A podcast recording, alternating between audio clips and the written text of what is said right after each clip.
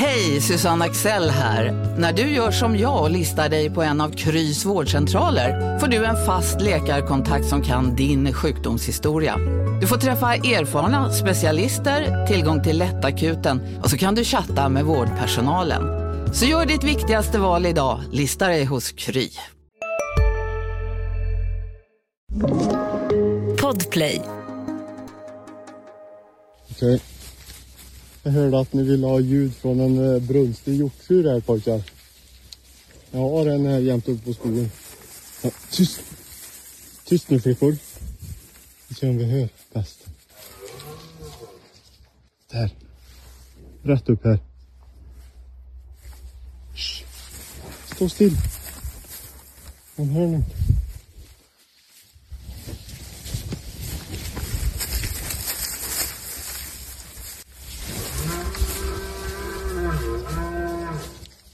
Det, det var tydligt. Måste ni ha bildbevis också eller? Han står rätt upp här.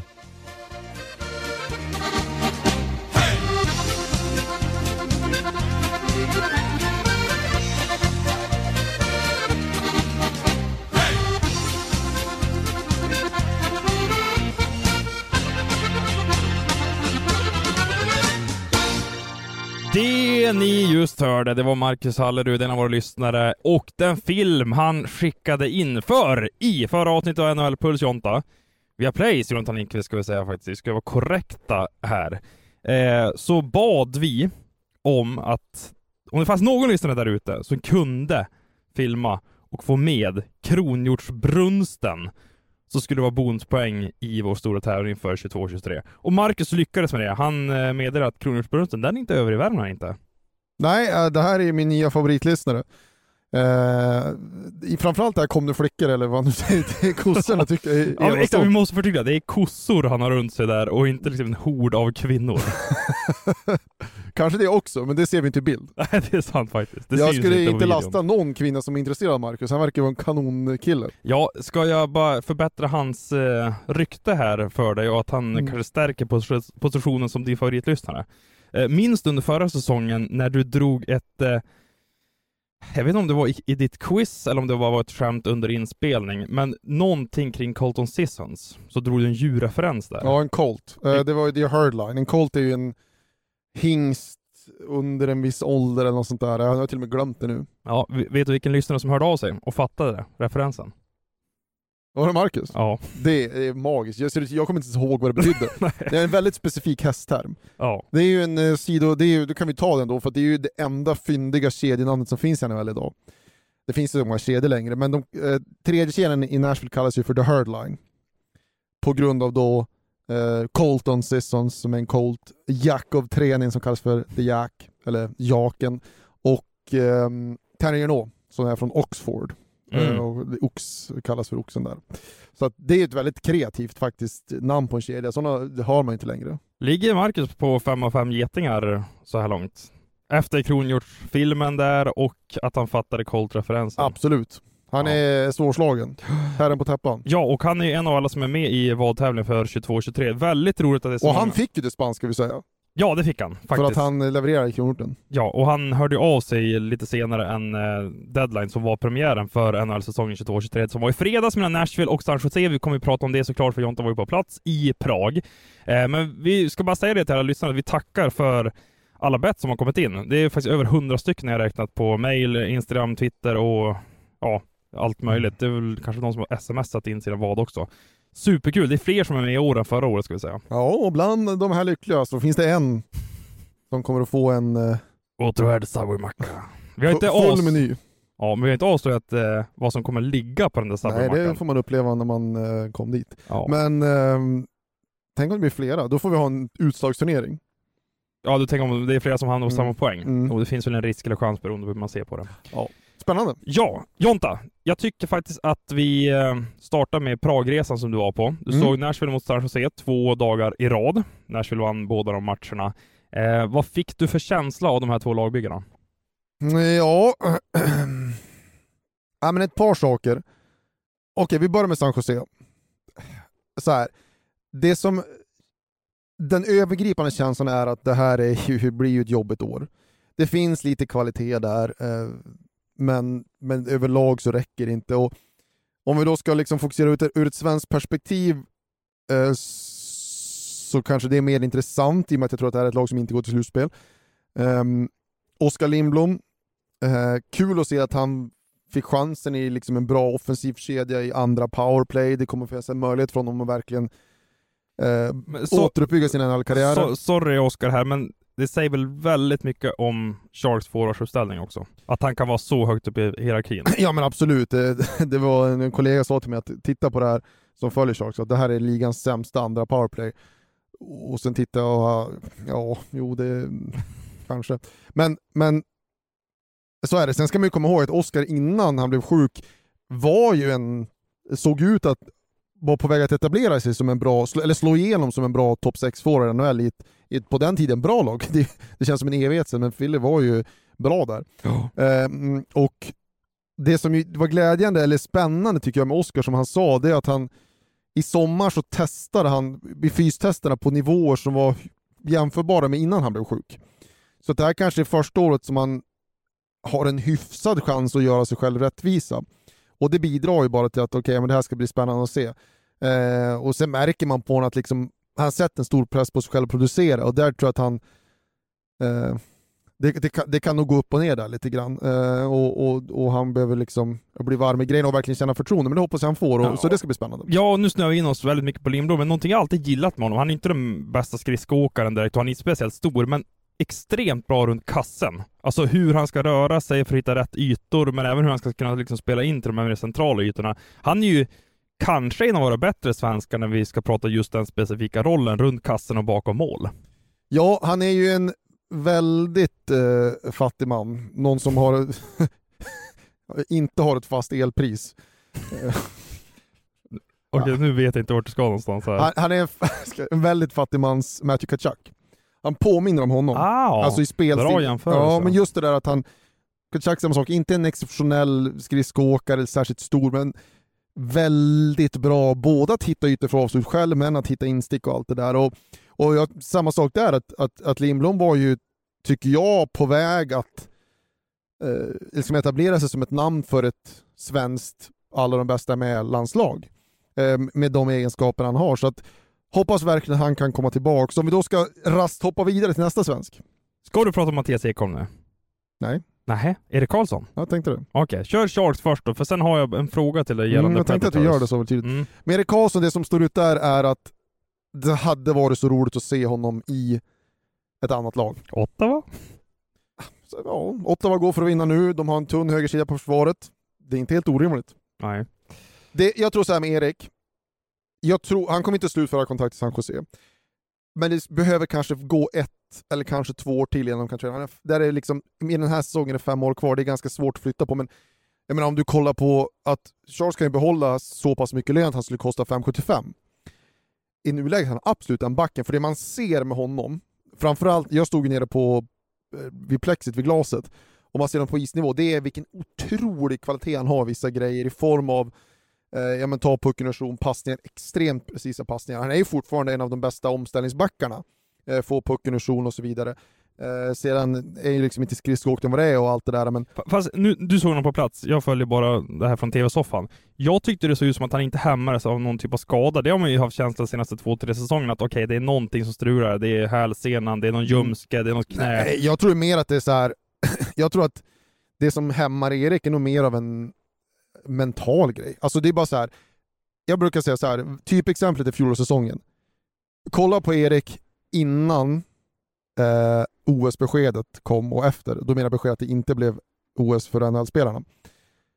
När han kom in liksom ett tydligt mål så var han väldigt, väldigt bra. Han är fortfarande en väldigt bra back och Problemet med honom är att vi jämför honom med Norris-Erik. Vad han var, precis. Mm. Uh, men med det sagt, att få se honom i ett riktigt bra lag, det hade varit spännande för att jag, jag tycker att det här är så synd och det märker man ju kanske på mig när jag pratar om det, att jag kanske ibland jag vet inte om jag till och med försvarar Erik för mycket, men alltså, det här är liksom en av våra absolut, absolut bästa spelare någonsin i svensk hockeyhistoria. Och visst, han kanske inte kommer att bli den spelare han var, men det försvinner inte bara heller. Han är liksom 32. Nu tycker jag att vi ska prata Nashville. För det jag undrar Jonta, du eh, har ju bättre koll än vad jag har på alla möjliga backpar där ute i ligan. Men Ryan McDonough och Mattias Ekholm har ju nu satts ihop och Ekholm har flyttats över till den andra sidan. Är det här ett topp tre shutdown-backpar i dina ögon? Kanske till och med det bästa? Mm. Man kan ju säga så här, om man ska göra det enkelt för sig, Uh så kan jag, man kan ju absolut hävda att Ryan McDonough och Eric Shernack har varit det bästa shutdown-paret de senaste två, tre, fyra åren eh, i NHL. Och om du då byter ut Shernack eh, mot en back som Ekholm som faktiskt är ännu bättre än vad Shernack är, ja då, då är det klart att på pappret så borde det ju kunna bli väldigt, väldigt bra. Eh, sen har du ju hela grejen med att Ekholm nu ska spela på högersidan och jag pratade med honom om det helgen, han sa att det är en utmaning men han var väldigt också positivt inställd till utmaningen. Så det kommer lite mer lägen offensivt som vi såg där. Flagga! Precis. Det blir mer sånt. McDonald sa att jag ska mata honom hela, hela, hela, hela tiden. Så att, Men de verkar bli bra polare tidigt också.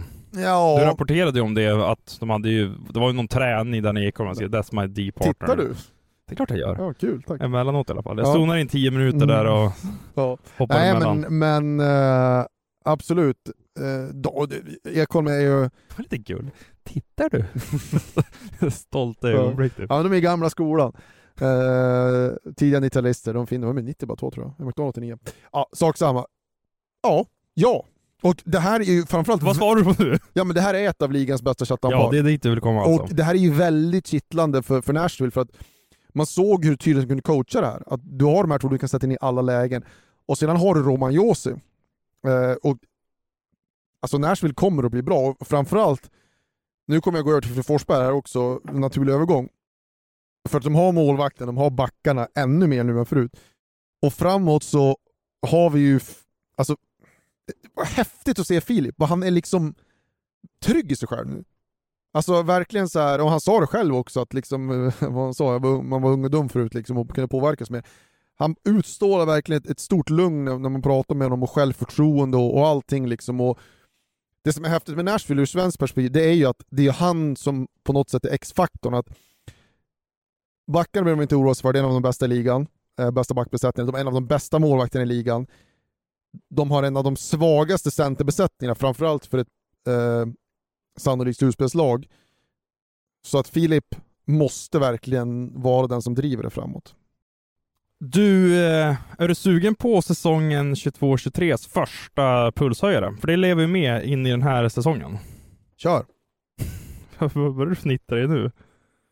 Vi ska vara transparenta med lyssnarna. Vi har vår... Vår? Jaså? Ja, jag kanske inte ska sträcka mig så långt, men Kerstin är med i alla fall, Mm. eh, för de som undrar, och har ett ben i munnen. Så kommer det liksom skramla lite i bakgrunden, och det är för att den eh, ligger och eh, studsar mot altanen här. Vi sitter och spelar in ute, som vi vet, brukar göra faktiskt titt som tätt. Ja. Och du har helt, helt- onödan solglasögon på dig.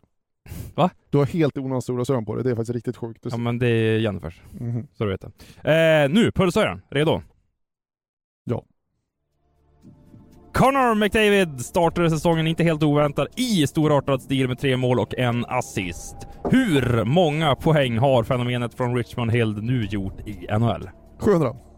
Två huvudtränare förlängde under den gångna veckan sina kontrakt. Vilka? Ah, vänta nu. Uh. Åh gud, Mike Sullivan var en av dem. Eller, jag vet inte om det var den gången i veckan, men han har nyss gjort det. Uh, gud, jag kan inte komma på någon annan. Nej, uh, uh. Nej, jag får pass. passa. Apropå kontrakt fick den här sonen till en av svensk ishockeys största backbjässar sätta pennan på pappret och signa ett sjuårskontrakt värt 340 miljoner kronor. Vem söker efter? Mattias Samuelsson. Med Gabriel Landeskog skadad fick den här svenskbekantingen chansen i Colorados första kedja. Arturi Lekkonen. En annan svensk, Erik Karlsson, har redan hunnit med två matcher efter Global Series-fighterna i Prag. Han är också den svensk som spelat mest per match hittills. Ligger han så här långt över eller under 24.30 i istid? Över. I samband med NHL-premiären skrev den här spelaren på ett endagars kontrakt med den här Metropolitan-klubben. Ge mig spelare och klubb. Andy Green, Devils. Oh! Snyggt jobbat Jonte. Jag skulle säga att eh, du är klart över godkänt i säsongens första pulshöjare. Ja, men den här tränaren kommer att störa mig. Ja, eh, Mike Sullivan, det är längre tillbaka Jaha. faktiskt. Vill du hoppa på den direkt alltså? Det är ju pulshöjarens andra fråga, så vi, vi river av den direkt här då. Ja, Svaret. vänta. Uh, Granada gjorde det i Buffalo. Mm, där har, Mm. fast du får ju inte den poängen då. Nej. Så att du kommer på det Nej. efterhand, men Mm. eh, helt rätt. Och vem var det mer då? Jag skäms lite faktiskt just nu. Uh, det är en uppenbar alltså. Det är ju en poddfavorit. Ja, just det. Ja. Torsten Sutter. Är med. Ja.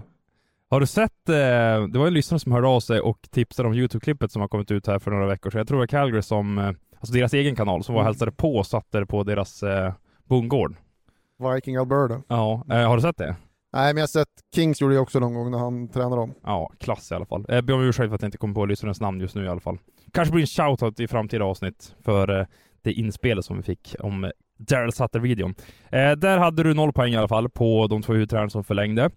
Eh, du får faktiskt inte heller rätt för 700 poäng på McDavid, för Ja, det var han, han är över alltså. Ja, 701. Ah. Eh, så just nu noll poäng efter två frågor och då går vi på den här eh, som jag tycker är den största svenska nyheten under den gångna veckan. För jag blev alltså chockad när jag såg att Mattias Samuelsson har skrivit på ett sjuårskontrakt i trakterna runt eh, 340 miljoner kronor. Eh, var kom det här ifrån Jonte? Han har spelat 54 matcher i NHL och egentligen hoppat mellan AHL och NHL under de två säsonger som han har varit där borta i Buffalos organisation. Ja, det här är ju eh, en eh, chansning.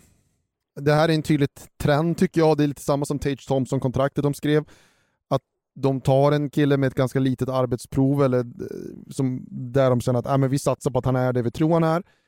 Eh, vi kommer att få han lite billigare, för spelarna har inte heller bevisat det så de kan inte kräva liksom eh, maxvärde eller vad man ska säga. Eh, och att de också vill verkligen, Buffalo är en sån klubb som har haft lite problem såklart att behålla spelare, inte den sexigaste stan i världen. De vill ha spelare som vill vara där, de vill bygga en kultur av att det här är kärnan, vi ska hålla ihop länge nu. Eh, så vi finns här på långa kontrakt med lite lägre capita, lättare att hålla ihop det. Så att det de gör här, det är att de rullar tärningen på att eh, Samuelsson kommer vara en, ja vi kan ta Shernack som en bra jämförelse. En Erik Shernack-spelare, en, en pålitlig komplementspelare i en topp 4. Ehm, som inte kommer att se en sekund i powerplay de här sju åren känns det som, men däremot vara en viktig kugge i boxplay. Ja, och kanske en framtida kapten eller assisterande så då. Han har ju ändå varit kapten både i U18 och J20 när de tog silver, det amerikanska landslaget. Alltså han har ju valt att representera dem ska vi säga, eh, trots att han har dubbla medborgarskap. Ja, och det är väl rimligt. Han är väl helt och hållet uppväxt där. Född, Ja. född där också. Exakt. Mm. Eh, men alltså, jag blev ändå förvånad att Samuelsson fick det här avtalet, den här längden och den här summan. Så det går ju att dra en parallell till John Klingbergs kontrakt. Det var också på sju år och Mm. drygt 300 miljo- miljoner kronor var det avtalet värt. Men där kanske man såg en större offensiv uppsida och att han kanske skulle kunna spela högre upp i backhierarkin. Alltså Mattias Mm. Samuelsson, vad han har visat hittills, det är väl en fjärde, femte, sjätte back med lite boxplay-minuter egentligen. Jo, men då ska vi komma ihåg att lönetaket var ju lägre då, så procentuellt sett är det här ett... eh, Om, man ska komma ihåg att när man ska jämföra lönetaksträffar över tid, eh, och för Johns kontrakt börjar ju vara, det måste ju vara 5-6 år sedan nu. 2015 skrev han det. Ja, exakt. Så det, gick ut 2022 Ja. nu så det, det väsentliga är ju procenten av lönetaket, det totala. Och nu vet jag inte exakt vad lönetaket låg på 2015, men procentuellt sett är ju det här mindre. Och, och man, man kan istället titta runt, runt om i ligan och se att ja, men den typen av backar, liksom bra, stabila topp 4-backar utan offensiv uppsida, de ligger där någonstans. Ehm, så att blir han det, då är det ett bra kontrakt och kanske också eh, lite av en... Eh, det är ett rimligt kontrakt helt enkelt. Jag, jag förstår de tänker, och det enda det här är, är att Är det ett rimligt kontrakt för någon som spelar 54 matcher i NHL? Ja, men det är för att du rullar tärningen och alla de här kommer inte funka. Vi ser några exempel nu och då där klubbar, oftast lönar sig för klubbarna att skriva långt med unga spelare med lite arbetsprov, men ibland Mm. kan det bita dem eh, i ändan. Ett nära exempel för oss som svenskar är Alexander Wennberg som till slut blev utköpt av Columbus, skrev sitt kontrakt efter den där 60 poäng säsongen ish, vad han låg på. Ehm, Men du, du sa Erik Shernack där och det är eller väl... Ett, Colin White i Ottawa blev utköpt nu, ja. till exempel. Men Erik Shernack, det är väl förhoppning vad Mattias Samuelsson kan betyda för Buffalo. Men det finns ju också ett svenskt exempel här som jag tänker på med Marcus Pettersson, eh, som har en capita på drygt 4 miljoner, om han skrev ett tre eller fyra års kontrakt. Alltså det skulle kunna utvecklas på det sättet också, att Mattias Samuelsson blir en spelare som man känner kanske att okej, okay, Buffalo, ni gjorde ett misstag här, ni kanske behöver bryta det i förtid som du är inne på. Ja, och det är det jag menar att det här är ju lite av en chansning från, från båda håll, för det um, eller det Samuelsson väljer att göra här, det är att han försakar lite potentiell valfrihet och intjänade pengar eh, för att få trygghet och få de här pengarna som du är inne på, det är ju väldigt mycket pengar som man nu har garanterat. Eh, för jag menar, att han verkligen slår igenom och blir en, en av ligans bättre defensiva backar, ja men då, jag menar det är bara att kolla Ta, ta Vlasic som exempel, han har ju 7 miljoner. Mm. Och han var ju också en back som han är väl typexemplet på, om vi då ska dra det till sin spets, det bästa Samuelsson skulle kunna bli. Jag tror all, alltså, man ska aldrig säga aldrig, men att Mattias Samuelsson skulle bli en, en offensiv toppback, det har jag svårt att se. Skulle han kunna bli världens bästa defensiva back? Ja, kanske inte, men men, men Vlasic är ju en sån spelare att är du så bra så kan du tjäna den typen av pengar. Jacob Slavin vet inte exakt vad han har.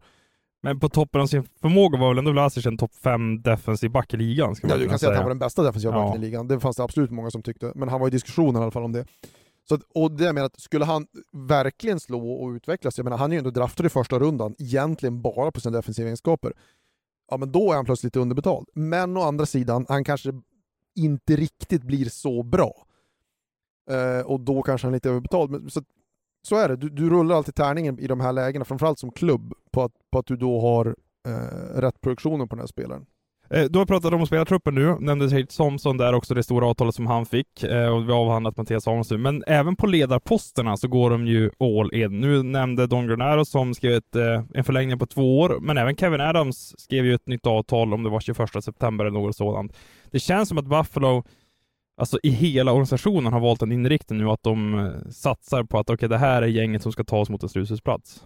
Absolut, och där tror jag också att... Och det måste man gilla ändå faktiskt, ja, att de är så målmedvetna med Absolut, det här gänget. och även, ja men de pratar så mycket om kulturen, och även att de har valt ut sig Kalle Poso som kapten, tycker jag talar för det, för att det här är en spelare som och Poso på något sätt personifierar attityden i omklädningsrummet. Han, man märker när de pratar om att det här är ledaren i rummet och eh, allmänt en, en otroligt respekterad eh, spelare och person. Och, ja, men de, de pratar mycket om, om kulturen, eh, och att de väljer att utse en, en, en åldrande spelare som Okposo med ett år kvar på kontraktet som kapten tycker jag talar om att de verkligen värderar den och att de vill ha spelare som vill vara där, som vill vara en del av det de håller på att bygga. De pratar mycket om hur kul de är. Jag menar, när man pratar med Rasmus till exempel, gjorde du säkert under VM, man märkte hur kul han tyckte det var här framförallt under våren när de vann lite matcher och, och ja. allt det där. Så att... Och det var ju prat om också att betydelsen av Don Granero, att han kom in i det där omklädningsrummet för, för Rasmus skull. Att mm. han tidigare kände sig kanske inte bekväm med de här offensiva riderna, att han skulle testa saker, men sen Granero kom in så har han sagt att Rasmus kör, det är den här typen av spelare du ska vara i NHL. Precis, och någonstans i hockeyvärlden, eller världen, så absolut, det hjälper eh, att, att bygga lag på ställen som har eh, faktorer som talar för dem. Det är ja, men Tampa, skatter, väder, bla bla bla, de här klassikerna vi pratar om där. Men till sist och slut så handlar väldigt, eller det handlar om det hockeymässiga. Det, om vi går tillbaks eh, de senaste 30 åren så skulle man hävda att den, den klubb som kanske har lockat mest free agents är Detroit.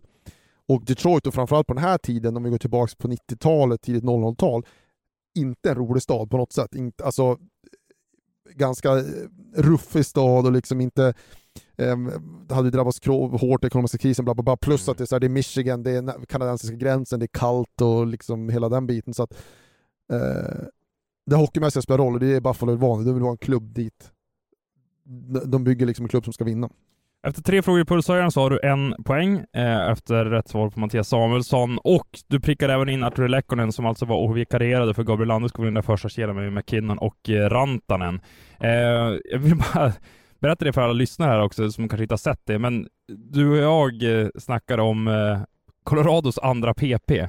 Och att se tre backar i en PP-formation, jag vet inte om jag varit med om det tidigare, med Bowen Byron, Taves och Samuel Gerard, men man förstår ju varför de sätter ut dem där också med tanke på hur skicklig den där backsidan i Colorado är. Ja, det fanns ju en tid, det var väl de förlorade åren för, för svenska landslag, men Kerstin. Det fanns ju en tid där man hade kunnat argumentera för att ett Tre Kronor skulle ha gjort det också.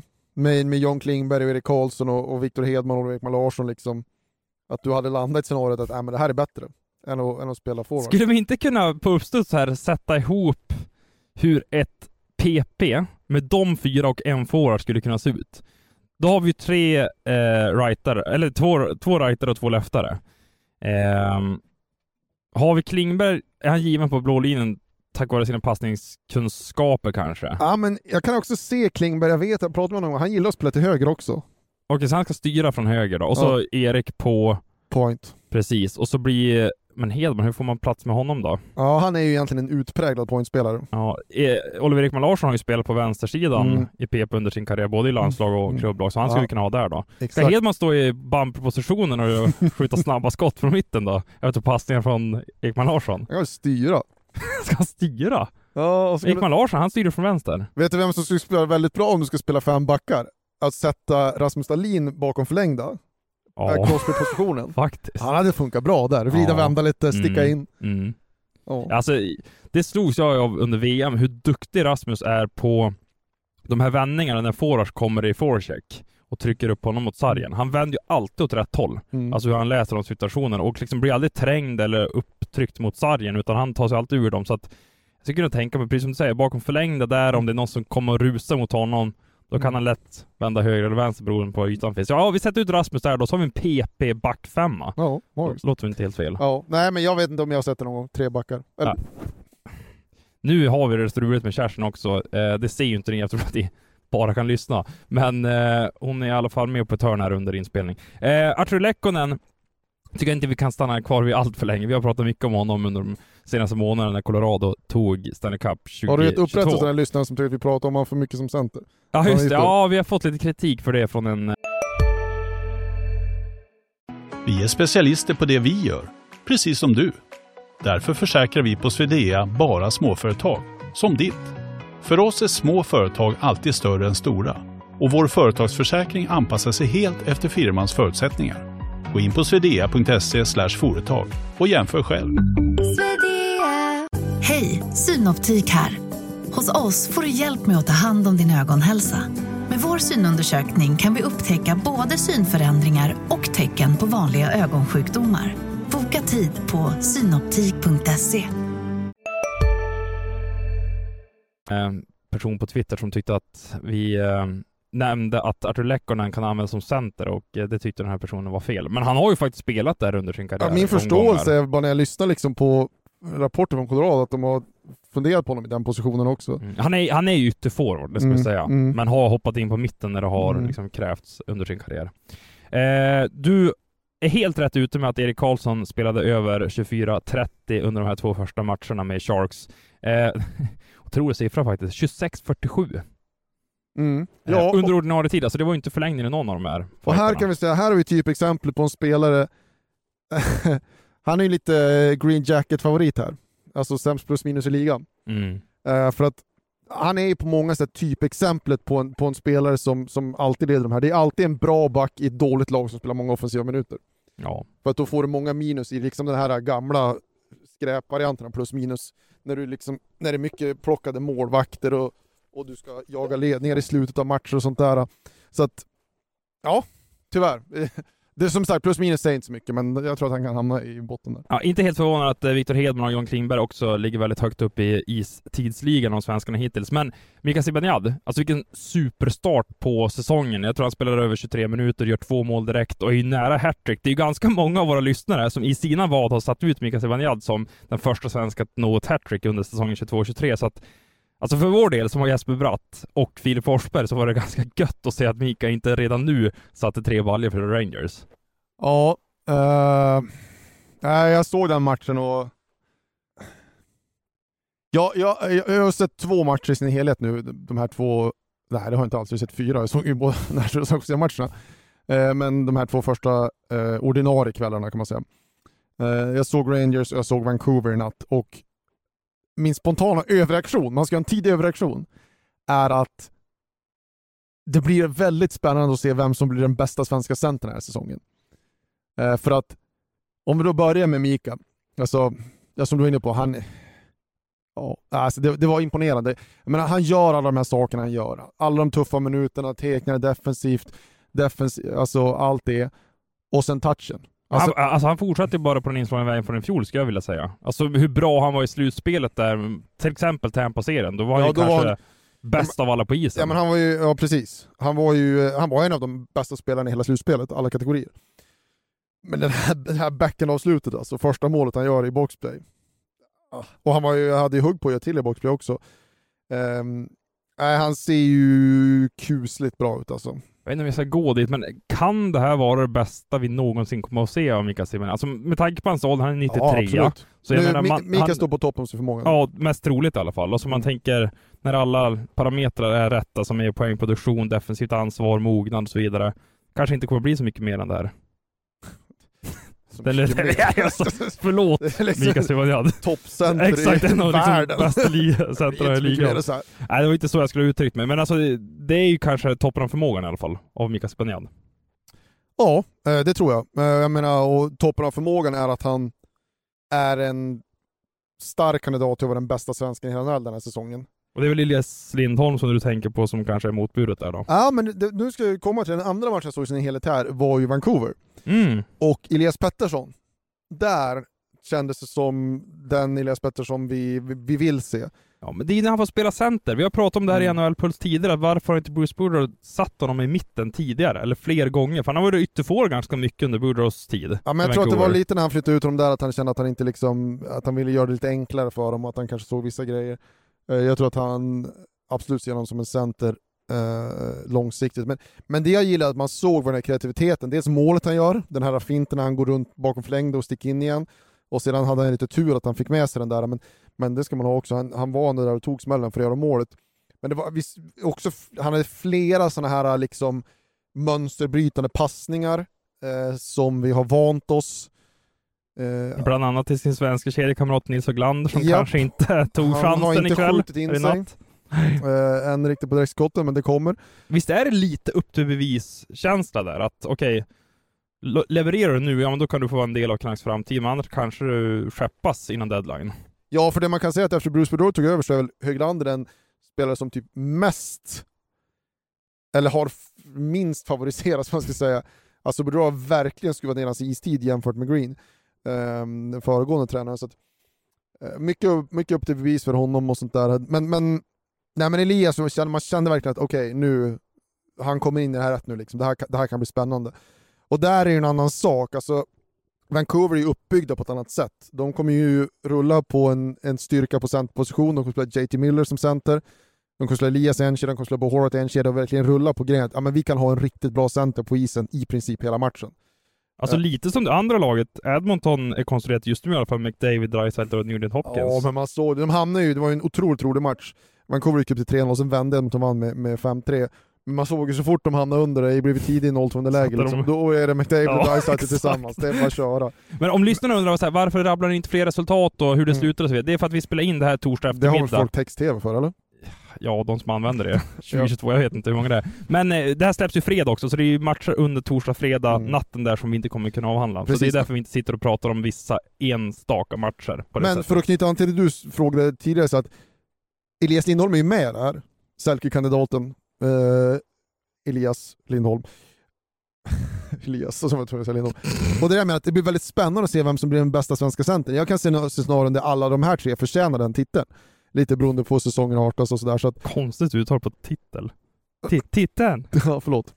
Eh, så att, så att eh, den blir väldigt spännande. Så här. Och sen, men okej, får vi fortsätta på det här eller? Vill du? Ja, nej, det är din show nu. Nej okej, för jag har en till grej från nattens match jag vill t- prata om också. Gissa att det kan vara McDavid och... Ja, det är faktiskt. Dreisaitl. Alltså Ja. Dreisaitl har ju... Nummer ett har han det här skottet som är helt så här, det är bara pang. Men passningen han slår, passningen till McDavid, i, liksom när han inte skjuter i slottet utan passar istället. Eh, jag vet inte om du har sett målen? Jo. Men de som har gjort det så, eh, alltså man älskar ju det. Och jag satt och tänkte på det med, med Dreisaitl att i ett avgörande läge runt mål måste han ju vara den spelaren i världen man helst vill ska ha pucken. Mm. Är du med jag tänker? För att Jo. Alltså om du tar till exempel McDavid och McKinnon, de är ju också extremt skarpa, men mycket av deras storhet ligger också i eh, liksom, den här förmågan skridskoåkningen, att han spelar puck och allt det där. Alltså nu när Thomas Hansson har lagt av så kan jag väl vara beredd att hålla med. Ja. Du kan möjligtvis hävda Austin Matthews, han skjuter väl bättre än Dreisaitl, men det är ju inte långt ifrån. Dreisaitl är en eminent skytt och så otroligt säker. Det han gör, tycker jag, är att göra mål på det han ska. Han bränner inte de här lägena liksom.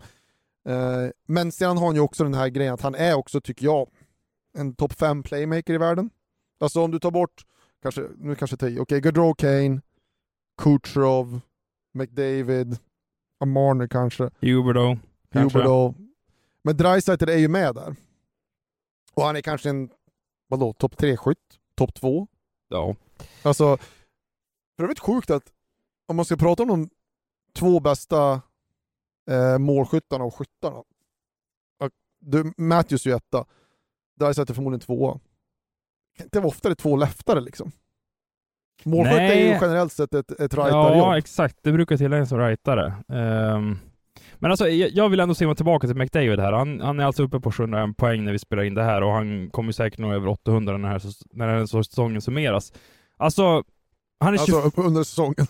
Han är 800 poäng den här säsongen. Precis.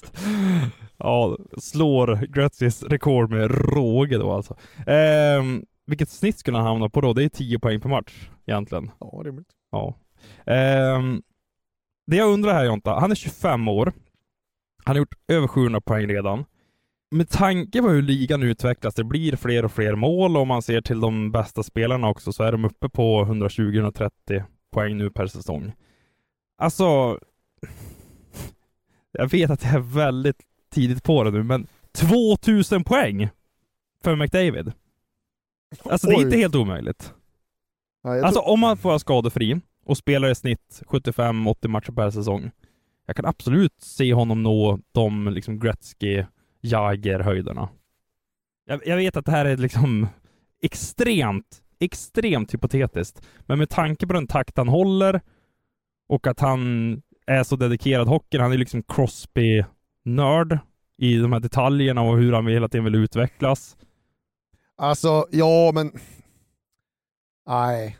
Han måste liksom snitta 100 poäng i 20 säsonger. Ja, eller snitta 130 poäng i 10 säsonger. Det är så jag tänker.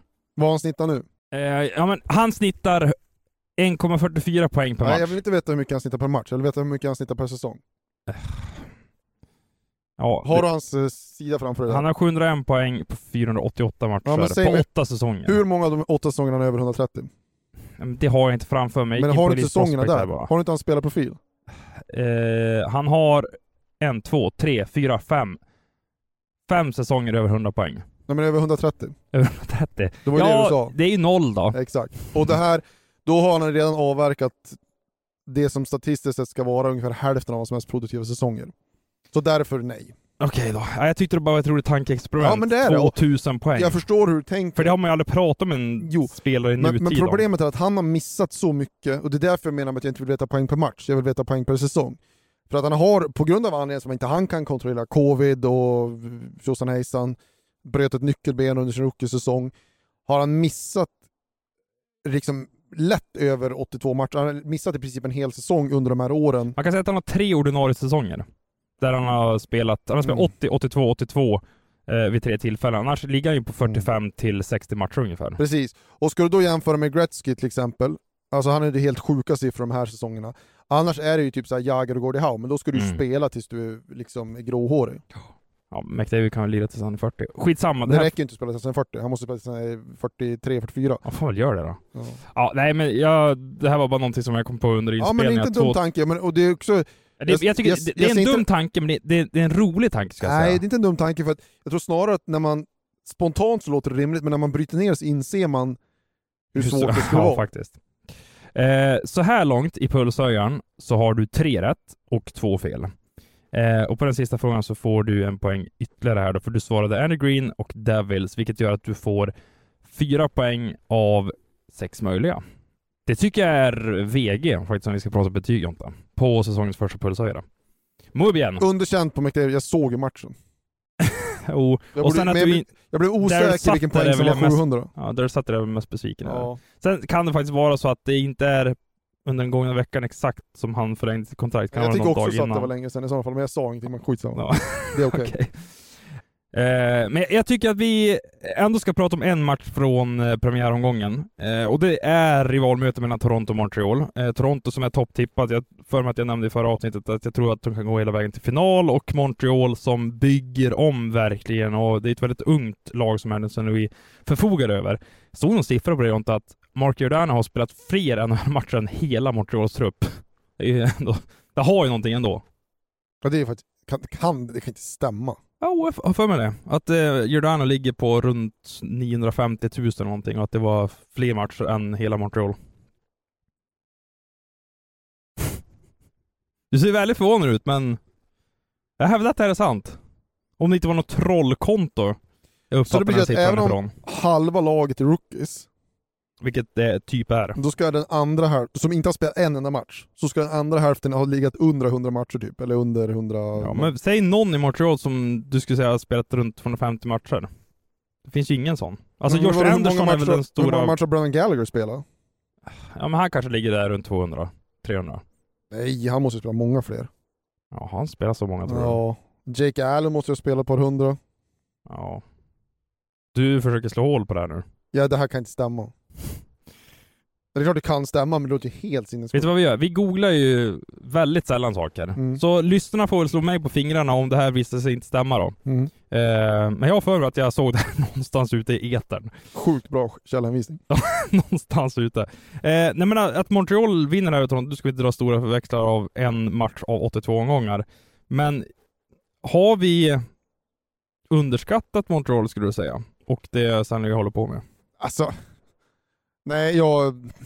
Förlåt, men jag skjuter ner. Alltså, det är bara en match och det är en, en premiärmatch också. Det, Ja, jag förstår att du svarar, hända, men- jag håller med. men okej då. Mm. Det man kan säga är så här. Toronto, det förlorar de första tio kommer inte vara panik. Nu har inte jag sett den här matchen, jag vet inte hur målen såg ut, jag har faktiskt inte ens sett highlightsen heller, men paniken kommer ju bli ifall de går dåligt i början och det är på grund av målvaktsspelet. Då blir det väldigt intressant att se vad som händer. Eh, och det, det blir väl en intressant sak att säga. Gällande Montreal och vad vi har dragit för växlar och inte. Jag gillar ändå dem som lag. Alltså jag tycker att de har lite grejer. Jag tycker inte att de känns så här. okej, Arizona, Chicago bygger också, men jag tycker att Montreal känns mycket bättre. Eh, det finns ändå beståndsdelar att tycka om i det här laget, även om det på intet sätt är ett slutspelslag. Och de har en coach som är väldigt driven eh, och känns spännande. Så att det är klart att jag tror att absolut att de kan eh, kliva in och skaka om eh, lag och de kommer att vara jobbigare och svårare att möta än några av de här andra förväntade bottenlagen. Eh, nu när jag funderar på det där jag presenterade tidigare, Giordano versus Montreal. Undrar om det kan vara premiäruppställningen? Alltså enbart de spelarna, inte hela truppen. Nej, truppen är omöjligt. Premiäruppställningen, ja det är väl Ja, möjligt. Ja. Ja, ja, vi får helt enkelt se vad Jag lyssnarnas kan tänka mig att det kanske typ skulle kunna vara backbesättningen. Då skulle det kännas trovärdigt. Att Ja, han hade okej. mer matcher än hela deras backuppsättning. Ja, eh, det kan bli rejäl floppstämpel på det här, men då får det vara så i alla fall. Eh, Det duggar ju tätt med matcher just nu, alltså under de här eh, dagarna som kommer. Och i helgen så är det ju Viaplay-studio, lördag, som jag förstått det. Ja, Eh, och ni har en ganska god match där med Buffalo, Florida. absolut. Och då kommer ju alla här sitta, kommer Erik och Valle sitta i studion och rasa över eh, Mattias Samuelssons kontrakt, precis som du. Men lyssna på Adam. Hört att det här det här är helt orimligt. Nej, eh, det tror jag inte. Eh, men det ska bli väldigt kul. Eh, Buffalo är ju väldigt, det är ett roligt lag alltså att följa. Eh, alltså härlig energi, kul att titta på, spela väldigt fredig hockey. Det som blir intressant med Buffalo för mig den här säsongen, de hade ju... Men lite koll på, är det inte upplagt för en 8-7 match? Alltså, jo, typ något sånt. För Florida gjorde flest mål i ligan i fjol. Ja, exakt, och, men har ju inte ett superstarkt försvar. De har tappat sin eventuellt bästa back, utan att egentligen ersätta honom riktigt. Eh, Morris-sidan är ett frågetecken. Eh, Jag menar de är Kenzie Uyghur som går till Calgary, ska vi förtydliga. Alltså snacka om att Calgary vann den traden. Alltså nu är både Uyghur och Huber skrev eh, åtta års kontrakt. Ja, och 6,25 fick ju Uyghur, det är en, det är en bra Ja. deal. Huber då fick ju mer eller mindre fullt värde. Ja. Men alltså nog trodde man att Uyghur skulle kunna landa på 7-7,5 åtminstone Mm. på ett maxkontrakt. Exakt, och det de gjorde här var att han fick ju åtta år. Man har ju märkt, vi har ju märkt en trend där kontrakten blir lite kortare och klubbarna är mer sparsamma med de här åttaårskontrakten för spelare som inte är söder om 25. Eller elit-elit. Eller lite, lite, men de skriver kontrakten innan dess. Ja, oftast. sant. Eh, men det är klart att Austin Matthews kommer få ett åttaårskontrakt. Eh, och Nathan McKinnon fick det. Men, men hur som haver. ehm, eh, så det var väl egentligen det som blev grejen här. Att de drog ut maxlängdskontraktet och då kunde Weir tänka sig gå ner lite i capita. Så ja, men väldigt spännande um, att se dem och såklart Kitchuck i, i Florida. Det är ju liksom Ja, det är en av, alltså, det är första matchen för en av de, för liksom den bästa spelaren i, kanske den bästa spelaren i en av de största traderna de senaste tio åren, om inte den största, om inte jag glömmer något nu. Så att, uh, rolig match. Och efter det, eh, jag ska kommentera sena matchen också, eh, uh, Philadelphia-Vancouver. Är reklamtungt nu? Ja, men jag känner ändå att det kan man få säga, jag tycker att det känns kul. Absolut. Alltså, Det är med, all, första med all respekt för Philadelphia, jag känner framförallt roligt med Vancouver, att vi får dem på ett bra tid i Sverige, det är Absolut. inte så ofta. Nej, exakt. Eh, västkustlag som de är. Och det, det är ju helt okej att du kör lite reklam här, för det, jag tycker att det är ju den riktiga NHL-studion den här gången. Förra veckan med Global Series så det bara var en match per eh, sändning. Det var inte rikt, det riktiga skulle jag säga. Nej Så att precis. det är kul att eh, ni drar igång igen. Tack. Nej, men det tycker man verkligen man ska ratta in. Som sagt, eh, 18.30. Eh, jag har det till och med framför mig här. Eh, V-sport Vinter via Play och sedan 22.05 för Flyers Vancouver. Man ser såklart helst båda. Hör du, nu vänder vi blad va? Ja.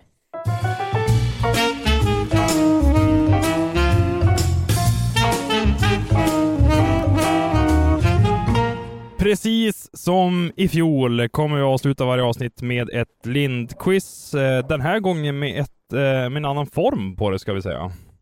Ja, men vi körde hockeytungt i fjol, så nu är det dags för att släppa det helt och hållet. Känner att vi ska ha djurtema. Oväntat. Men det har jag faktiskt inte haft förut. Nej men du har ju ändå smugit in dig i alla möjliga quiz du har haft genom åren. Så Det är djur är fascinerande. Det, det tycker väl alla? Nej, det ska jag säga att det finns människor som inte gillar djur. Vilka då? Säg en. Jag vill inte hänga ut någon, men jag har en tidigare kollega, nära vän också, som eh, faktiskt inte gillar djur. Framförallt inte hundar. Eh, men det här är helt onödig information för lyssnarna. Men det finns människor där ute som inte gillar djur. Ja, ja okej, ja men det är deras förlust. Okej, det kommer att vara ett enkelt upplägg på den här.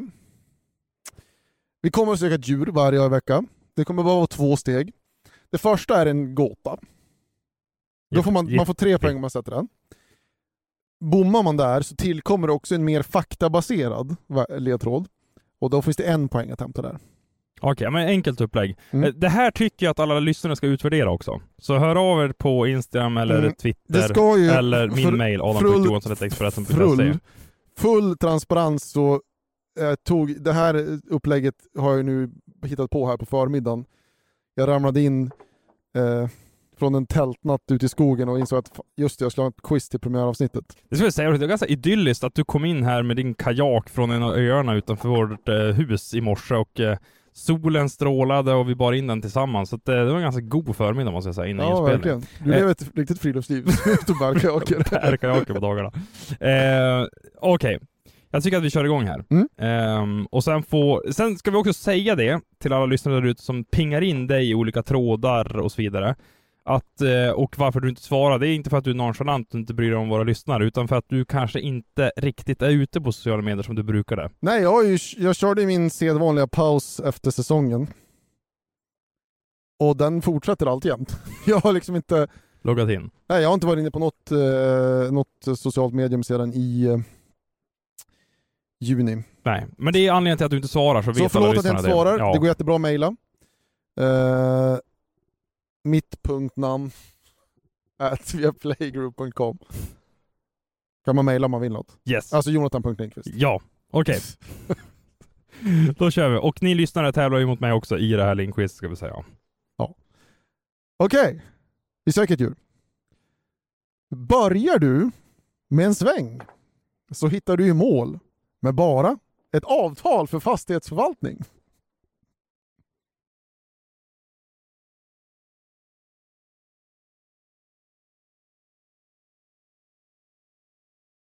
Ska vi ta eh, eh, faktaledtråden? Det kan vi göra. En poäng här då. En poäng. Okapins kusin har sju halskotor och en tunga med samma färg som en chow chow.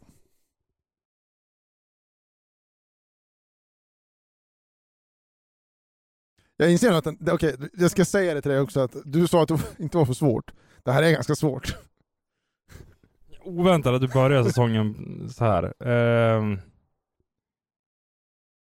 Okapins. Jag läser eh, faktaledtråden en gång till. Okapins kusin har sju halskotor och en tunga med samma färg som en chow chow.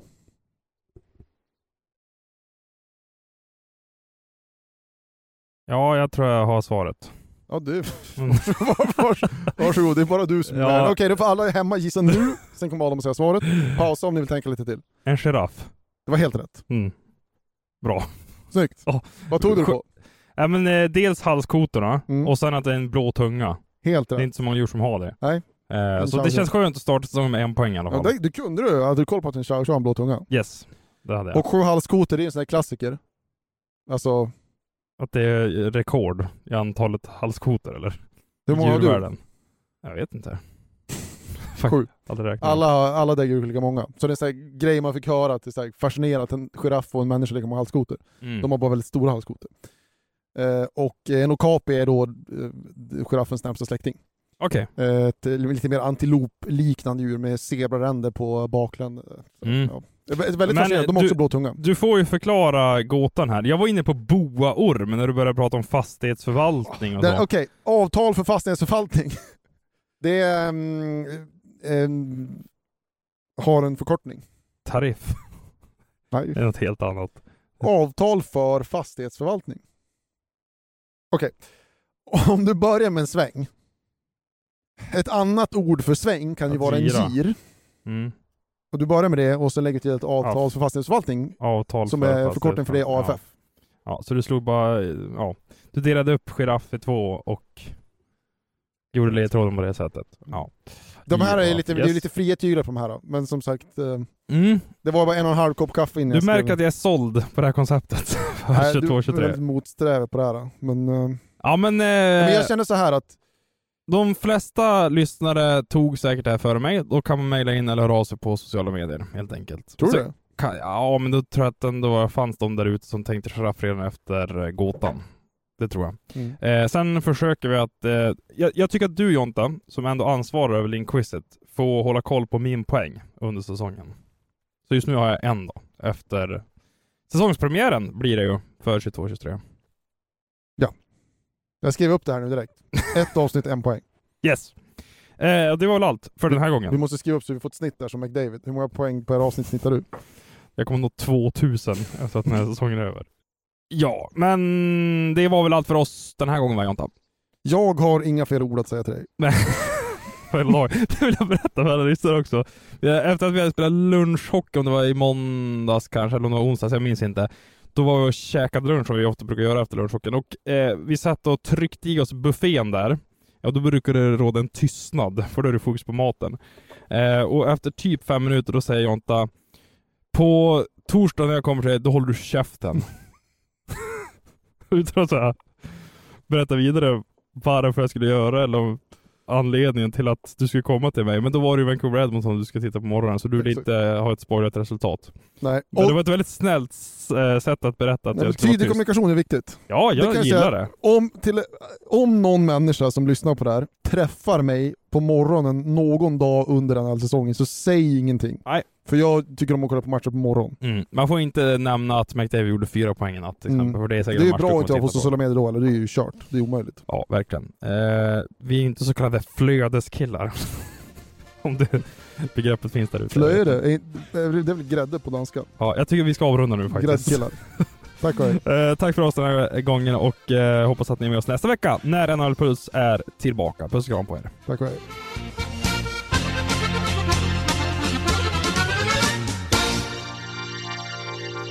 Du har lyssnat på en podcast från Expressen. Ansvarig utgivare är Klas Granström. Välkommen till Maccafé på utvalda McDonalds restauranger med Baristakaffe till rimligt pris. Vad sägs om en latte eller cappuccino för bara 35 kronor? Alltid gjorda av våra utbildade baristor. Ni är med om det största. Och det största är den minsta. Ni minns de första ögonblicken. Och den där blicken gör er starkare. Så starka att ni är ömtåliga. Men hittar trygghet i Sveriges populäraste barnförsäkring. Trygg Hansa. Trygghet för livet.